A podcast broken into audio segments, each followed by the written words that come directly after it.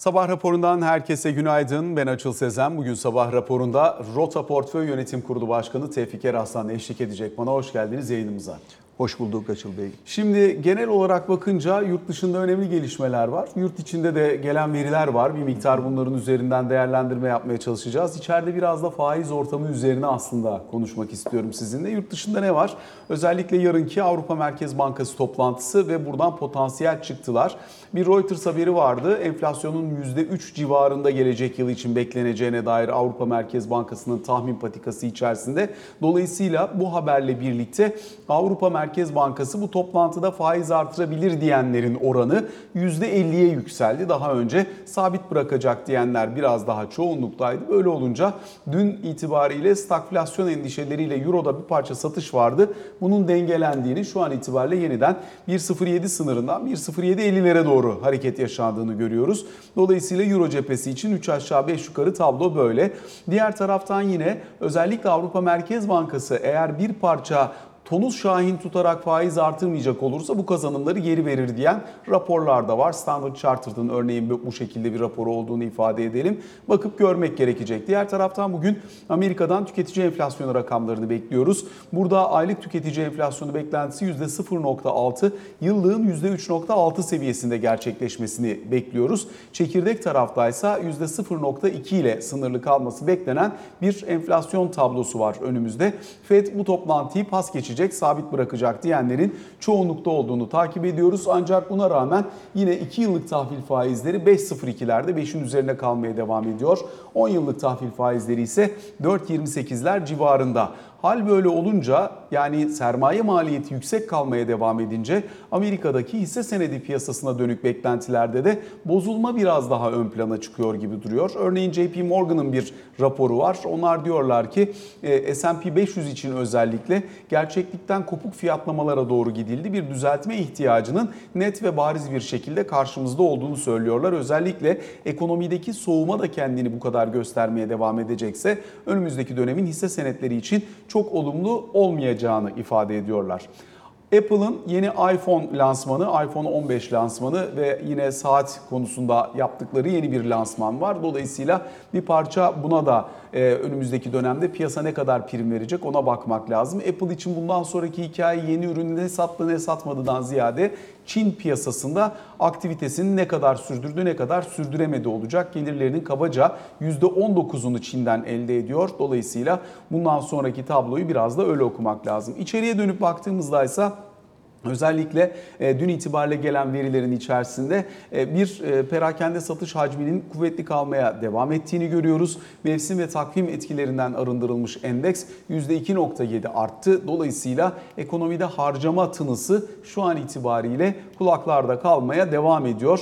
Yeni tarihi zirvesinde perakende satışlar mevsim ve takvim etkisinden arındırılmış şeklinde bakıldığında Ciro endeksine baktığımızda aydan aya %11.2'lik artış devam ediyor. Kabaca 9 puanı enflasyon diye sayabiliriz elbette bunun ama önemli ölçüde canlı kalmaya devam ettiğini gözlemliyoruz. Diğer taraftan dünü de hazinenin iki tane ihalesi vardı.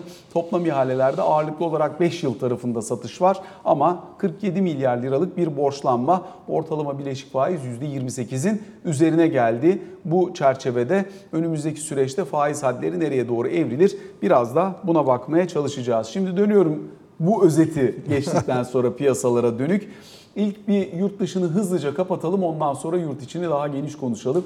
Avrupa Merkez Bankası toplantısı bir stagflasyon endişesi var. Yani büyüme ciddi geri gelecek ama enflasyon yüksek kalmaya devam edecek. Almanya bu kadar problemliyken ki Almanya'da mesela son 20 yılın en düşük doğrudan yabancı yatırım girişi olmuş. Oradaki soğumanın herkes 3 aşağı 5 yukarı farkında. E, bu ortamda Avrupa Merkez Bankası'ndan ne beklenebilir? Bir hızlıca geçelim üstünden. Avrupa Merkez Bankası'ndan beklentiler biraz önce ifade ettin Açıl e, ortada. Yani e, hiç arttırmaz diyenlerle e, 0.25 arttırabilir e, diyenlerin e, sayısı benzer. %50 %50 dağılmış durumda. Ben de baktığımda Avrupa'nın faiz arttırma ihtiyacı olmadığını değerlendiriyorum. Önümüzdeki döneme olarak e, döneme ilişkin olarak baktığımda da bu resmi görüyorum. Özellikle Rusya-Ukrayna savaşının Avrupa üzerine getirdiği çok ciddi bir e, yük var ve e, burada enerji fiyatları nedeniyle de bir enflasyon üzerinde de baskı olduğu da kesin. Bu e, faiz arttırarak kolay kolay çözebilecekleri bir problem değil. Ama diğer taraftan e, kendi içlerinde de büyüme Amerika'daki kadar e, kuvvetli değil. Dolayısıyla faiz arttırarak durgunluğu daha derinleştirebilirler. O nedenle ben ECB'nin dikkatli olacağını e, düşünenler e, tarafındayım. Ama 0.25 arttırıyor olması çok radikal e, resmi değiştirebilecek bir unsur değil. Çünkü arkasının geleceğini öngören yok. Yani olursa da bu son faiz arttırımı Avrupa'da olur. Ondan sonra ECB faizin işini görmesi için e, sahayı faize bırakır diyenler ağırlıkta diye düşünüyorum. Peki e, Amerika cephesine de bir dönelim. Bugünkü enflasyon verisi sonrası Fed'in duruşunda herhangi bir farklılaşma beklentiniz var mı? E, FED tarafında da e, ağırlık şu anda bu ilk yapılacak toplantıda faizin arttırılmaması yönünde. Ama bir sonraki Kasım toplantısına baktığımız zaman orada da faiz arttırımı olabilir diyenler var. Ee, bu da biraz önce senin Amerika ile ilgili anlattığın e, senaryoyu bizim hemen aklımıza getiriyor. Amerika'da şimdi faiz 5,5 civarında. Bunu bir e, 0,25 daha yukarıya çektiğiniz zaman e, tarihsel olarak oldukça yüksek bir faizden bahsediyoruz. Tabii bu yüksek faiz seviyesinin e, fonlar, tasarruf sahipleri üzerinde karar almada önemli bir tesirinin olduğunu da unutmamak lazım.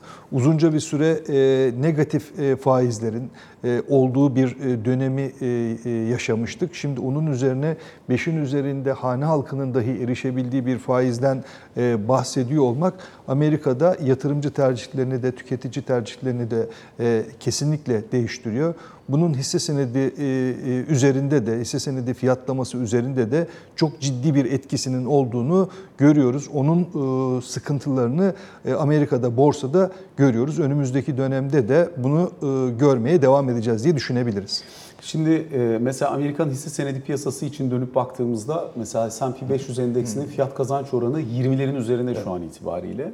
Dolayısıyla bu hani tarihi zirvelerine baktığımız zaman daha geride görünüyor olabilir ama hala oldukça yüksek bir seviyede kalmaya devam ettiğini anlıyoruz. E, bununla birlikte mesela 12 aylık beklenen e, temettü verimi 1,5'larda, 1,55'ler civarında. E, kısa vadede 2 yıl içerisinde yani 2 yıllık tahvil faizinin 5 ödediği yerde 1,5 temettü verimiyle bir hisse senedi tercihi yapmak bu fiyat kazanç oranları üzerinden ne kadar cazibi biraz tartışabiliriz. Oradaki mod bozulursa dünyanın geri kalanında da çok e, pozitif bir ortam aramak kolay olmayacak. Onun için önemli. Yani faiz hakikaten e, kendisinden beklenen işlevi e, görüyor. Çünkü burada özellikle tüketimi ve e, yatırımı e, bir parça e, önünü kesebilmek de tabii Fed'in amaçlarından bir tanesi diye ben değerlendiriyorum. Hisse senedi konusunda da tabii ki bu ortamda şirketlerin çok iyi performans göstermelerini beklemek oldukça zor. Söylediğin rakamlar şey açısından fiyat kazanç oranı açısından baktığımızda ileriye dönük faiz arttığı ortamda, şirketlerin satış kapasitelerinin düştüğü ortamda e, gerçekleştirilmesi giderek e, zorlaşan rakamlara da dönüşebilir. O nedenle e, burada hisse senedi yatırımı konusunda ben dikkatli olunması gerektiğini düşünenler tarafındayım. Şimdi özellikle dünyada ciddi bir yavaşlama sinyali ya da beklentisi varsa, buna Amerika'da dahil, Avrupa'da da problemli bir ortam var. Özellikle hisse senedi yatırımlarının e, global ölçekte dağılımında ve hani biz belli bir yerden sonra yabancı katılımı bekliyoruz ya. E, o yabancı katılımının iştahında sadece Türkiye değil ama gelişen piyasaların bütününe bir arıza, bir miktar gecikme ya da hani çekinge e, çekingenlik görülmesi riski var mı ne dersiniz? Burada da tabii e, yatırımcıları e, hepsini tek tip diye tanımladığımızda, o yatırımcılar içinde yatırım alternatifleri e, oluşturduğumuzda faizin bir olduğu döneme nazaran 5 olduğu dönemde faizli enstrümanlara ilginin fazla olabileceğini düşünmek çok e, normal ve rasyonel bir e, düşünce diye ben değerlendiriyorum. O nedenle bütün dünyada aslına bakarsan e, risksiz faizin dolar bazında %5'lerin üstünde olduğu bir ortamda diğer yatırım araçlarının tamamının işi çok kolay değil. Evet bunun e, içerisinde çok başarılı olabilecek parlak fikirler içeren e, yatırımlar muhtemelen e, daha iyi performans gösteriyor olacak.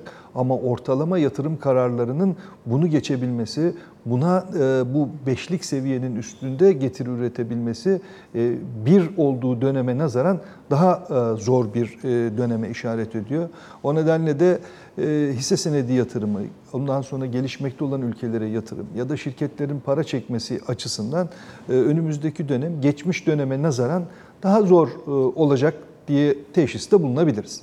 Şimdi şöyle bir tablo da var. Örneğin işte Amerikan tahvilleri 2 yıllıkta kabaca işte dediğimiz gibi 5. Türkiye'nin bir risk primi var. Bunun üzerine eklenmesi gereken. Üstelik bir de şirket primleri var. Fakat Türkiye'de konvansiyonel para politikasına dönüşle birlikte oluşmuş o olumlu ortamla beraber yapılan iki tane mesela ihraç var.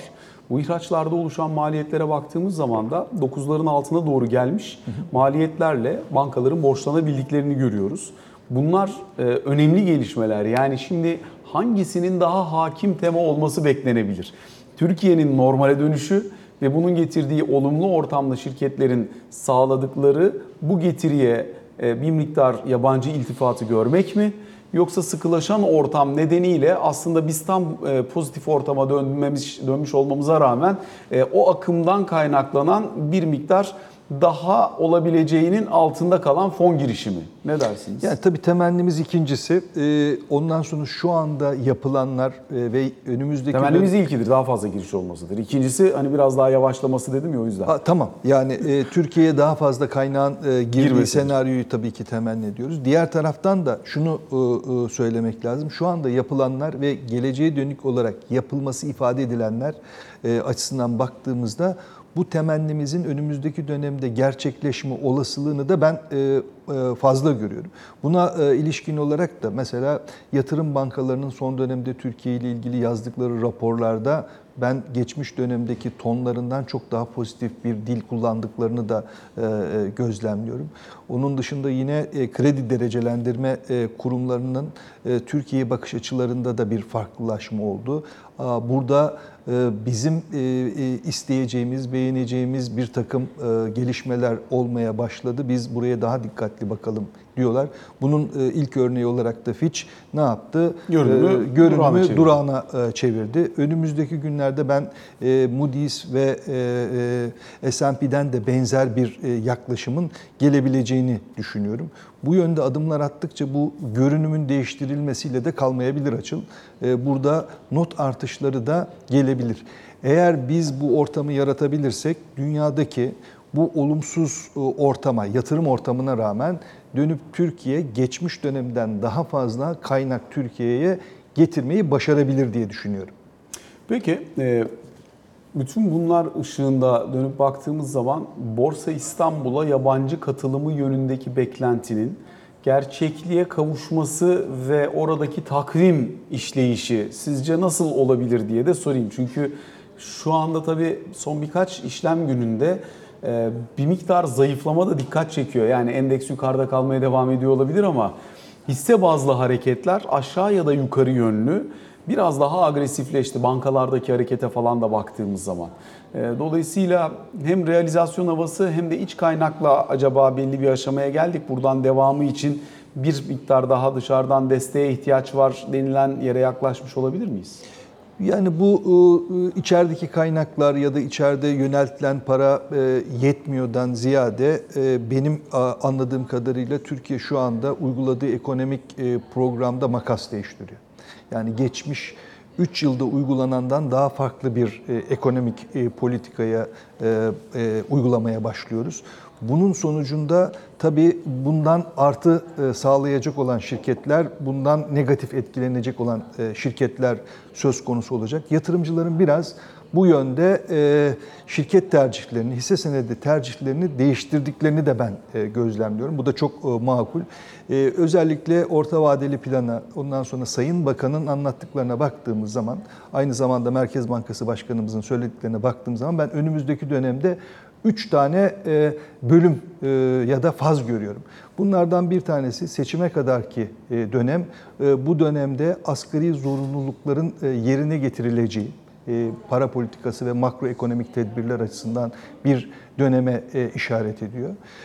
Ondan sonraki dönem 2024 sonuna kadar burada da asgariden daha fazlası yani ihtiyaç kadar e, gerekli kararların alındığı ve uygulandığı bir e, dönemle e, karşı karşıya olacağız. Sadece burada mali konuda özellikle depremle ilgili harcamaların devam ediyor olması bizim e, bazı alanlarda istediğimiz sonucu almamızı ya da görmemizi zorlaştıracak. O nedenle de üçüncü faza ihtiyaç var. O da 2025 yılı. 2025 yılında mali tarafta da disiplinin sağlandığı, bütçe açığının normal seviyelere geldiği, dolayısıyla da e, dezenflasyon sürecinin sonuçlarının görülmeye başlandığı bir faz olacak diye e, düşünüyorum. Şimdi senin sorduğun soruyu buradaki fazlara yerleştirdiğimiz takdirde yabancı yatırımcı bu fazların somut olarak çalıştırıldığını görmeye başladıkça bence gelebilecek diye e, değerlendiriyorum. O zaman bir buçuğuncu fazla falan mı bekliyorsunuz? E, Şimdi e, nasıl adımlarla ilerlediğiniz, her ağzınızdan çıkanın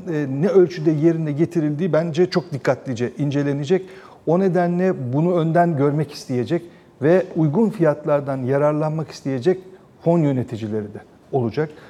Onlar önden giriş yaparlar. Biraz daha ben her şeyi göreyim, ondan sonra buraya geleyim diyenlerin ise bir sonraki adımda gelmesi söz konusu olur.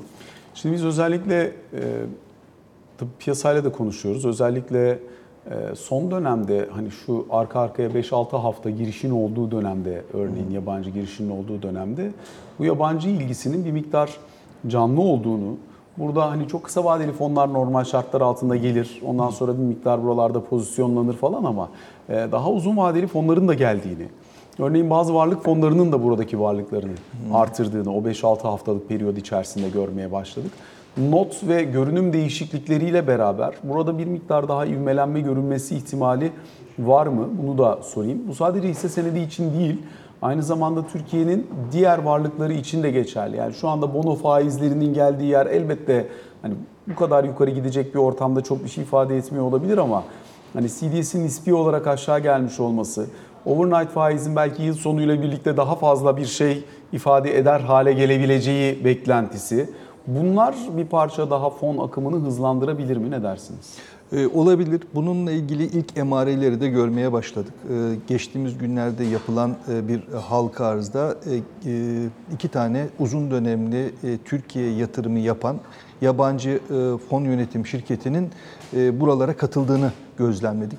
Böyle bir e, katılımı biz uzunca süredir görmemiştik. Dolayısıyla e, yapılanlar e, yabancı yatırımcıların da ilgisini çekmeye başlamış. Onlar halka arzlara dahi katılmaya başlamış durumdalar. Bunun tabii ölçeğinin, miktarının daha da yukarıya gitmesini bekliyoruz.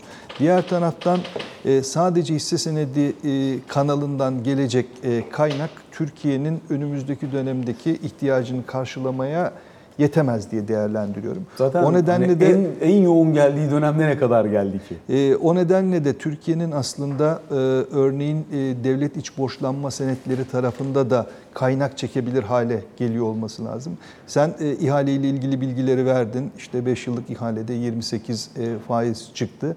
Faizin normalleşmeye başlaması ve e, burada bir denge noktasına ulaşılması durumunda e, zannediyorum yabancı yatırımcının e, hisse senedi yanında daha büyük kaynak getirebileceği devlet iç borçlanma senedi gibi alanlara da gelebilmesini mümkün kılacak diye düşünüyorum.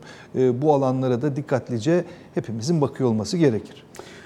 Özellikle burada biraz daha iç piyasaya yani bu arada biraz önce dedim ya hani en yoğun geldiği dönemde ne kadar geldi ki diye. Yani Türkiye'nin dış finansman açığını kapatabilecek büyüklüğe hiçbir zaman ulaşmadı anlamında söylüyorum. Yoksa Türkiye'nin yıllık 70-80 milyar dolar yabancı girişi yaşadığı dönemler oldu. Yani onu bilerek söylüyorum. Şimdi Tekrar içeriye dönecek olursam biraz önce halka arzlardan bahsettiniz ya. Şimdi yatırımcı sayısı 7 milyonun üzerine çıktı. 7 milyon 150 bin. Bakiyeli hesap sayısı 10 milyonun üzerinde. Tabii bakiyenin ne olduğuna da bakmak lazım ama 7 milyon diyebiliriz yatırımcı sayısına Doğru. herhalde şu anda. Ee, burada tek yönlü bir otoyolda hepimiz gidiyoruz. Yani tüm Türkiye neredeyse Ee, hani hane halkı sayısına neredeyse hane halkı sayısının kabaca yarısını geçmiş durumdayız. %55, %60'ına gelmiş durumda 7 milyon dediğiniz zaman yatırımcı sayısı.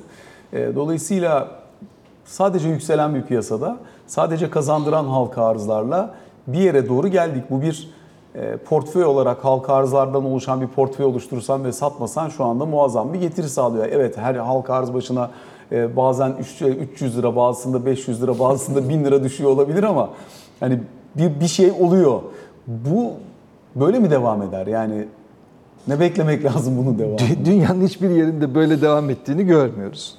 Ee, Dolayısıyla e, bunun e, formatının önümüzdeki dönemde değişmesi gerekir. Ama burada e, değişim olabilmesi için de yeni yatırımcı katılımının durduğunu da görüyor olmamız lazım. Biz bunu gözlemlemiyoruz. Yani 4 milyona geldiği zaman da aynı şeyi konuşmuştuk. Yatırımcı sayısı 5 milyona geldiği zaman da aynı şeyi konuştuk. Çok kısa sürede 7 milyona e, geldik. Dolayısıyla yatırımcı sayısını arttırabildiğimiz sürece e, burada benzer bir trendin devam ediyor olduğunu görürüz. Ama açıl şunun da e, altını çizmekte fayda var. Biz 5 milyar TL'nin daha üstünde bir halka arzı yapamıyoruz. Çünkü bu katılımcı sayısı, bu katılım miktarları daha büyüğünü yapmamıza müsaade etmiyor.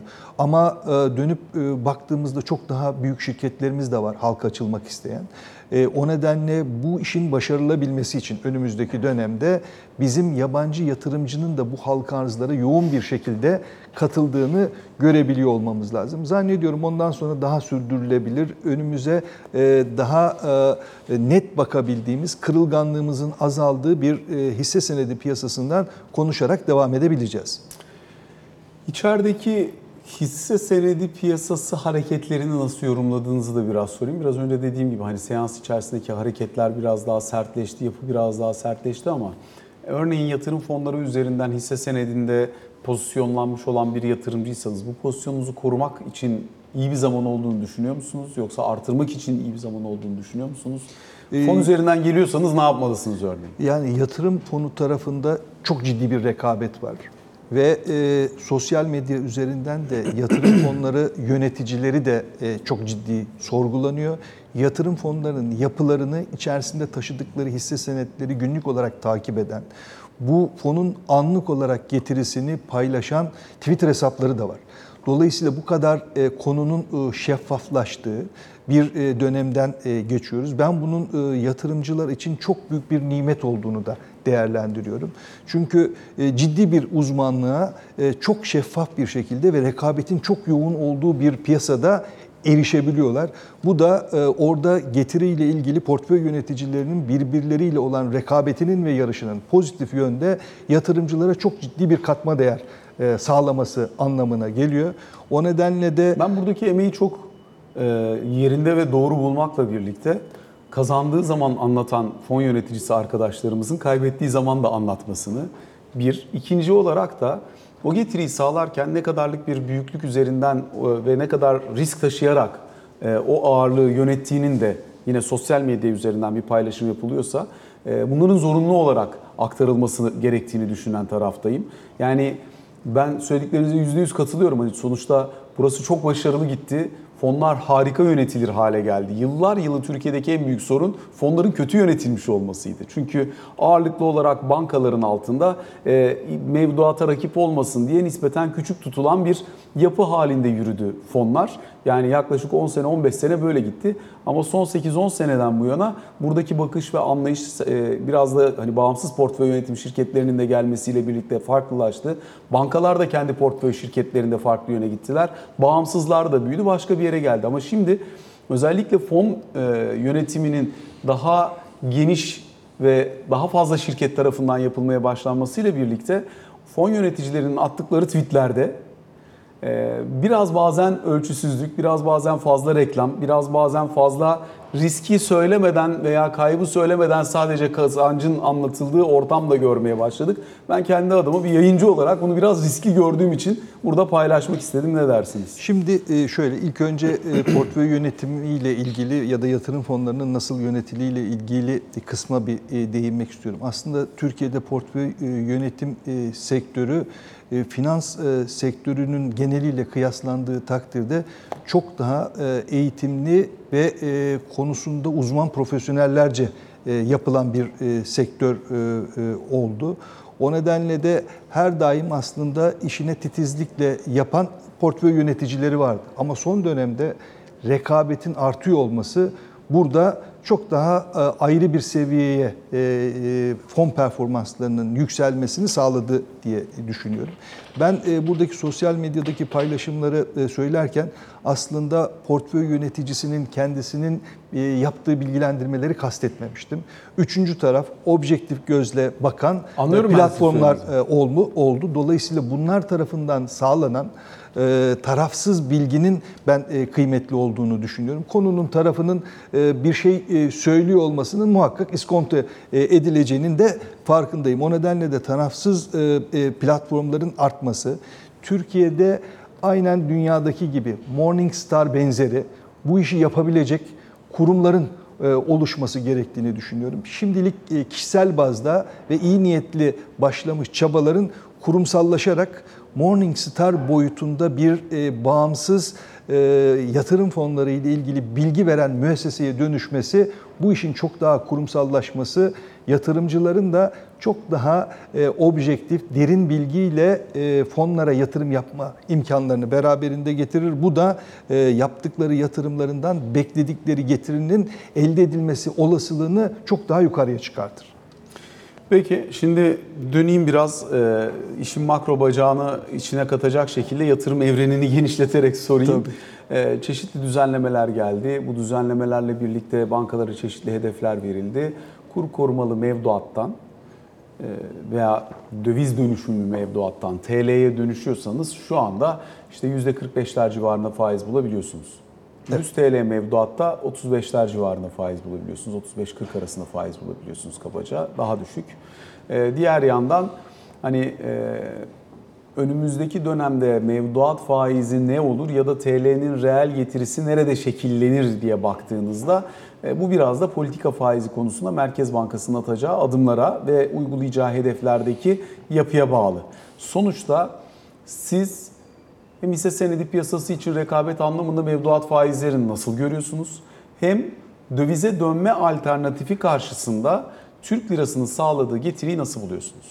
E, Bir kere e, kur korumalı mevduattan e, TL'ye dönüş, TL mevduata dönüş bir kez olabilecek bir şey. Dolayısıyla daima kur korumalı mevduattan TL mevduata dönemezsiniz. O nedenle ben onu sürdürdüm. Bir ay döndüm sonra Döndünüz TL'desiniz artık. Ondan sonra tekrar o faizden faydalanamıyorsunuz. Tabii onu söylemeye çalışıyorum. Dolayısıyla e, o sürdürülebilir bir e, getiri değil. Dolayısıyla da e, hani e, onu e, tartışmaya çok e, gerek olmadığını düşünüyorum. Bunun düzenlenmesi gerektiğini düşünüyor musunuz? Yani Hangi çünkü açıdan? burada hani belli bir süre en azından belirli bir vade. Çünkü mesela e, döviz dönüşümünde 3 aylık vadeyle bağlıyorsunuz ya. Döndükten sonra o faizin devamı anlamında bir teşvik verilmesi gerektiğini düşünür müsünüz örneğin? Yoksa bir kere dönüşte 45'i verdim ondan sonra işte tekrar 35 vermeye başladım. E, Bir sonraki ay o zaman yatırımcının dövize dönmesi riskini de taşıyoruz ya beraber. Dolayısıyla aslında söylediğiniz e, cümlede sorunun kendi yanıtı da var. Biz yatırımcıları DTH'dan ya da KKM'den TL mevduata döndüreceksek TL mevduatın kendi oranının e, yeteri kadar cazip ve çekici olması gerekiyor ki biz e, bu işi başarabilelim. Yoksa diğeri bir seferlik bir iş. Bunu başarabilme imkanımız olmaz diye e, düşünüyorum.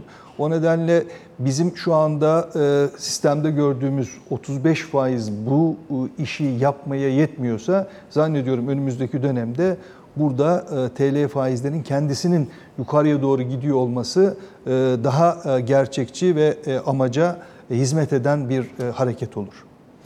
Son not olarak da bundan sonraki dönemde özellikle işte ekonomideki bir soğuma sinyali ve soğuma beklentisi var ya nispi Evet, olarak. Hani rakamlara baktığımızda da 3 aşağı 5 yukarı görüyoruz. bunun şu anda üretim bacağında ufak ufak kendini göstermeye başladığını fakat tüketim tarafının hala kuvvetli kalmaya devam ettiğini, perakende endeksindeki artış, ciro endeksindeki artış, yüksek enflasyonist ortamda insanların ihtiyaçları da var zaten. Bir şekilde kart limitleri yettiğince nakit avans azalmış olabilir. İşte belki e, kredili hesaplar biraz daha az kullanılır olabilir ya da daha maliyetli görünüyor olabilir ama tüketimi devam ettiğini görüyoruz. E, İktisadın bir numaralı e, öğretisi ihtiyaçlar sonsuz, kaynaklar Sınırlı. sınırlıdır. Şimdi öyle olunca e, tabii ki e, burada imkan olduğu ölçüde insanlar harcamayı e, tercih ediyor e, olacaklar. Ama e, şu anda e, hem e, Türkiye'de hem de e, Amerika'da gördüğümüz konu e, aslında çok kuvvetli bir talep var. E, ABD faizleri tarihsel olarak arttırdığı halde talebi tam olarak da e, kesebildi mi emin değiliz. Bizde e, Amerika'dakinin aksine hala negatif reel faiz e, uygulaması var. E, o nedenle de e, burada tüketim e, yapmayı tercih eden insanların olması da rasyonel düşünce açısından mantıklı gibi geliyor. O nedenle e, önümüzdeki dönemde biz e, faizleri e, reel seviyeye yaklaştırdıkça bunun önünü kesebileceğiz diye değerlendiriyorum. Ama diğer taraftan bu fazlandırma konusunda yapılacak işlerden bir tanesi zannedersem miktarsal kısıtlamaya gidiyor olmak, seçici kredi yöntemini uygulamak. Bu yöntemlerle özellikle tüketim tarafındaki kaynakların kısıtlanması, dolayısıyla da enflasyon, cari işlemler üzerinde baskının ortadan kaldırılması hedefleniyor olacak. Ben e, bunların belli ölçüde çalışabileceğini düşünüyorum. Tevfik El Aslan çok teşekkür ediyoruz. Değerli görüşlerinizi bugün bizlerle paylaştığınız için. Ben teşekkür ederim. Kısa bir ara sonrasında ikinci bölümde Ali Can Türkoğlu ile karşınızdayız.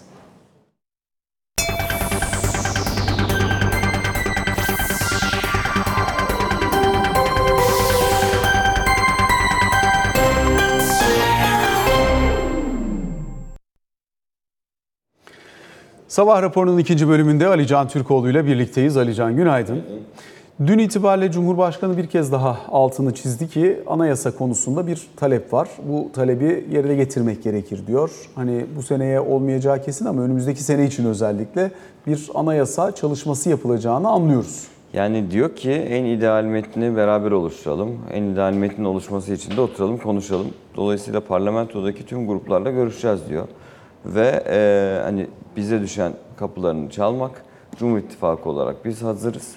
E, ve meclis açıldıktan sonra da bu süreç başlatılacak gibi anlıyorum ben Cumhurbaşkanı'nın açıklamalarından. Tabii şöyle bir durum var burada. E, bir kere parlamentodaki tüm gruplarla görüşülecek olmasının vurgusu önemli. Dolayısıyla burada hani görüş gözetmeksizin e, herkesle oturacağız gibi bir başlangıç var ama bir kere şu var yani yerel seçimler öncesi mecliste bu konunun birinci gündem olması çok akla yakın gelmiyor. Dolayısıyla siyasi partilerin ana gündeminin de yeni anayasa olmasını beklemiyorum ben Ekim'den sonra Mart'a kadar olan süreçte. Yani 1 Ekim'de açılacak Türkiye Büyük Millet Meclisi. Ee, belki anayasa konusu bu toplantılarda konuşulacaktır. Hatta komisyonlar oluşturulacaktır partilerde. Ama partilerin ana gündem maddesi olacak mıdır? Bence olmayacaktır. Özellikle e, Mart ayı öncesi işte Kasım Aralık ayları gibi e, adayların belirlenmesi ve bunların açıklanması sürecinin yaşanmasını bekliyorum. Dolayısıyla ondan sonra da işte partiler destekleyecek mi, desteklemeyecek mi, ittifaklılar kendi aralarında nasıl bir daha doğrusu ittifaklar oluşacak mı veya işbirlikleri oluşacak mı? Bunlar nasıl hareket edecek gibi sorulara cevap bulacağız. Dolayısıyla yeni anayasa konusu evet bence 2024 yılı içerisinde konuşulacaktır. Ama Nisan ayından sonra konuşulacaktır. Benim beklentim bu.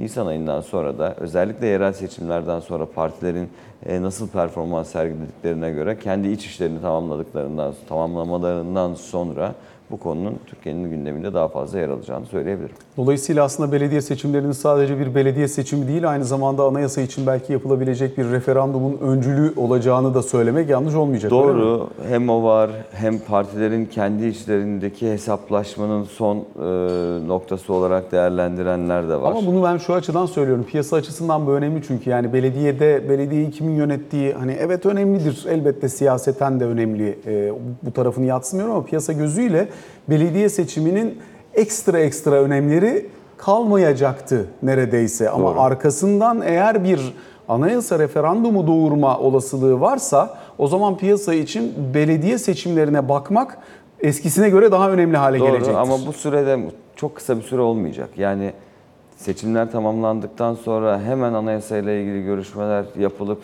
bu anayasaya ilişkin maddeler hazırlanıp gelmeyecektir. Ben o görüşme aşamasının eee, çok da kısa süre süreceğini düşünmüyorum işin doğrusu. Dolayısıyla işte Mart sonu seçimler tamamlanır. Nisan'da işte işler oturur. Nisan ortası bu süreç daha hızlı bir şekilde başlatılsa bile yine yıl sonu yıla, yıla yayılabilecek bir e, görüşme trafiği hatta belki partilerin kendi içerisinde belli, belli noktalarda anayasaya ilişkin maddeleri yazma süreçleri gibi olacağını düşünüyorum. Dolayısıyla yeni anayasa vurgusu, yeni anayasa ile ilgili tüm partilerin e, aynı masa etrafında oturabileceği bir sistem kurgusu gayet güzel ama bunun olma ihtimali kısa süre içerisinde bence zor ihtimal. Peki muhalefetin kendi iç dinamikleri üzerinden bir miktar daha bakalım mı şimdi? E bakalım orada çünkü önemli konuşmalar, görüşmeler oluyor. Şimdi bir kere Özgür Özel'le Kemal Kılıçdaroğlu görüştü. Ve Cuma günü Özgür Özel bir basın açıklaması yapacak. Ve bu basın açıklamasında e, genel başkan adaylığını açıklama ihtimalinin yüksek olduğu ifade ediliyor. Şimdi CHP'de özellikle e, İl ilçe kongreleri, kurultayları devam ediyor ama işte büyük kurultay, seçimli kurultay seçimden önce olacak mı yoksa seçimden sonraya mı bırakılacak sorularını çok e, cevap bulmaya çalışmıştık biz de. Şimdi dün öğrendiğim bilgiye göre 24 Eylül'de parti meclisini toplayacak Cumhuriyet Halk Partisi. Ve bu parti meclisinde yani 24 Eylül'deki parti meclisinde e, seçime yönelik yani genel başkan seçimli büyük kurultaya yönelik karar alınması bekleniyor. Ve bu kararın da seçimden önce olması bekleniyor. Yani bu yıl tamamlanmadan yani 24 Eylül'de parti meclisi toplanacak ve bu yıl tamamlanmadan genel başkan seçimli kurultayının da e, olacağı olması yönünde bir karar alınması bekleniyor Kasım Aralık gibi.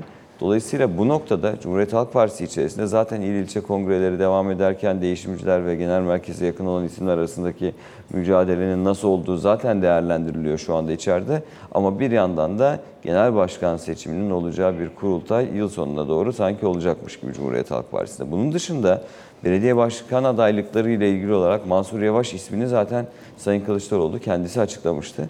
Ekrem İmamoğlu ismini de dün itibariyle açıkladı. Cumhuriyet Halk Partisi'nin adayıdır diye. Dolayısıyla zaten e, başkanların kendilerinin de açıklamış olduğu ve talep etmiş oldukları belediye başkanlıklarına devam etme yönündeki talepleri CHP Genel Merkezi tarafında karşılık bulmuş gözüküyor. Şimdi soru İyi Parti Genel Merkezi'nde bu iki ismin Cumhuriyet Halk Partisi e, adayı olarak seçimlere girmesi durumundaki girecekler. İyi Parti bu iki isme destek verecek mi? Başta bu iki isme. Şimdi bugün İyi Parti'de e, Genel İdare Kurulu toplantısı var. Ve geçtiğimiz hafta konuşmuştuk. E, İyi Parti Genel Başkanı Sayın Akşener 81 ilde kendi adaylarıyla seçime girmeleri konusunda bu teklifi Genel İdare Kurulu'na sunacağını ifade etmişti. Muhtemelen bugün bu yönde bir e, açıklama yapılabilir ama e, tekrarlıyorum ama e, İyi Parti'de bugünkü açıklama her ne olursa olsun belirli noktalarda kapının tam olarak Cumhuriyet Halk Partisi ile işbirliğine kapatılmayacağı ve başta Ankara ve İstanbul olmak üzere belli başlı noktalarda yine ittifak içerisinde, işbirliği içerisinde e, seçimlere gidilebileceği yönündeki görüşümü koruyorum ben. Dolayısıyla bugün her ne kadar e, 81 ile ilişkin çalışmalarımızı sürdürüyoruz tırnak içinde yönünde bir açıklama gelse bile e, bu noktada ben sene sonuna doğru başta Ankara, İstanbul olmak üzere yine işbirliğine gidileceğini düşünüyorum. Alican teşekkür ediyoruz. teşekkür. Böylelikle sabah raporunun sonuna gelmiş oluyoruz. Hoşçakalın.